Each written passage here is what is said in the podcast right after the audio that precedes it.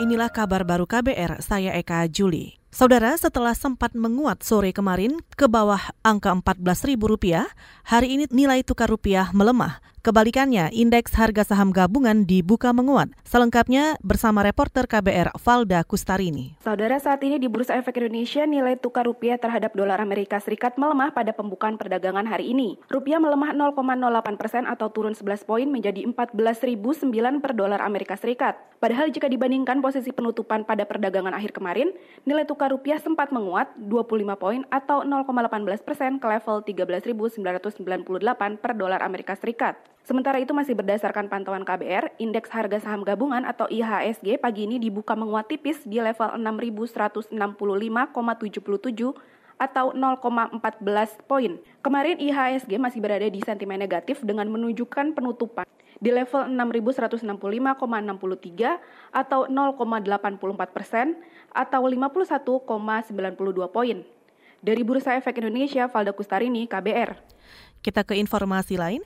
Kementerian Koordinator Perekonomian memasukkan pembuatan Omnibus Law ke dalam program prioritas dan program kerja pemerintah lima tahun ke depan. Omnibus Law merupakan pembuatan satu undang-undang induk untuk merevisi sejumlah undang-undang sekaligus.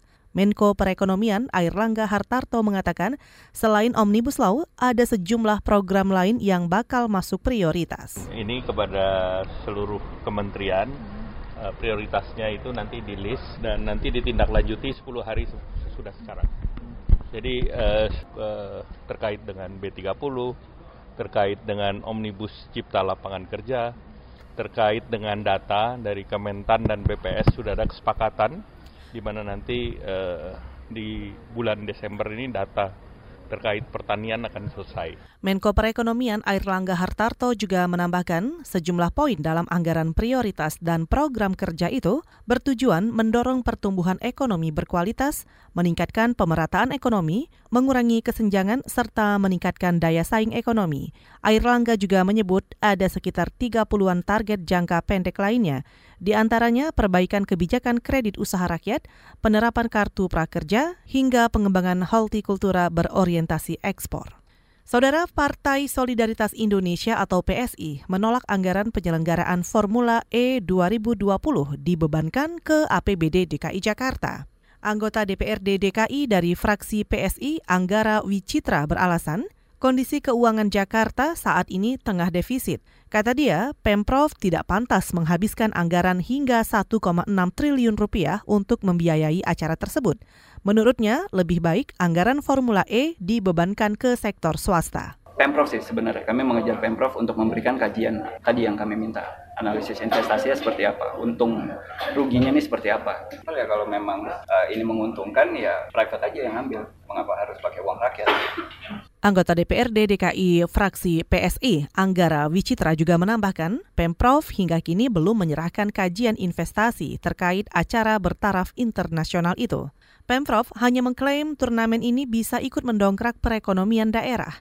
Ia mengusulkan agar anggaran untuk penyelenggaraan balap Formula E dialihkan untuk membangun infrastruktur publik seperti gedung sekolah, sarana olahraga, hingga penyediaan air bersih. Kita ke Jawa Timur. Penyidik kepolisian daerah Jawa Timur memeriksa empat saksi terkait ambruknya sekolah dasar negeri Gentong, Kota Pasuruan. Atap sekolah itu ambruk pada selasa lalu.